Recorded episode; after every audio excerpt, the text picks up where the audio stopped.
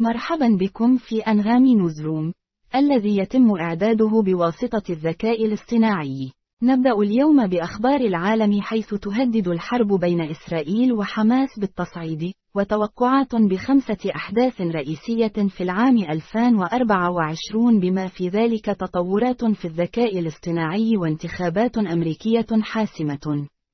وفي اليابان، تتواصل عمليات البحث في الأنقاض بعد الزلزال القوي الذي ضرب البلاد. ننتقل الآن إلى الشرق الأوسط، حيث تتفاقم الأزمة الإنسانية في غزة بسبب الحرب بين إسرائيل وحماس. وفي إسرائيل، ألغت المحكمة العليا جزءا رئيسيا من إصلاح القضاء، في حكم قد يعيد إشعال الانقسامات وسط الحرب الدائرة. في الإمارات، انتهت المهلة المحددة لأصحاب المنازل لتركيب نظام السلامة من الحرائق حسانتوك. في عالم الأعمال، أصبحت نسخة مبكرة من شخصية ميكي ماوس الشهيرة الآن في المجال العام. وفي قطاع التكنولوجيا، تعرضت خطط بيدو للبث المباشر لضربة قوية بعد أن ألغت صفقة جوي بقيمة 3.6 مليار دولار.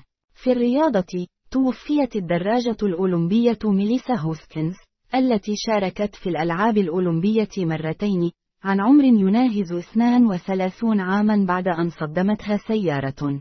وفي الترفيه، يمكنكم مشاهدة العرض السنوي للورود روز بول باريد لعام 2024 اليوم، وسنقدم لكم التفاصيل حول الوقت والقناة وكيفية البث المباشر. متابعة للنشرة، اسمحوا لي أن أرحب بمحرر الأخبار.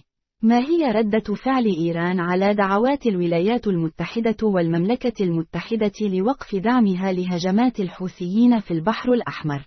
رفضت إيران دعوات الولايات المتحدة والمملكة المتحدة لوقف دعمها لهجمات الحوثيين على السفن المرتبطة بإسرائيل في البحر الأحمر وزعمت أن الاتهامات هي تدخل غير مبني على أساس وأن بحريتها أرسلت مدمرة إلى الممر الملاحي الحيوي.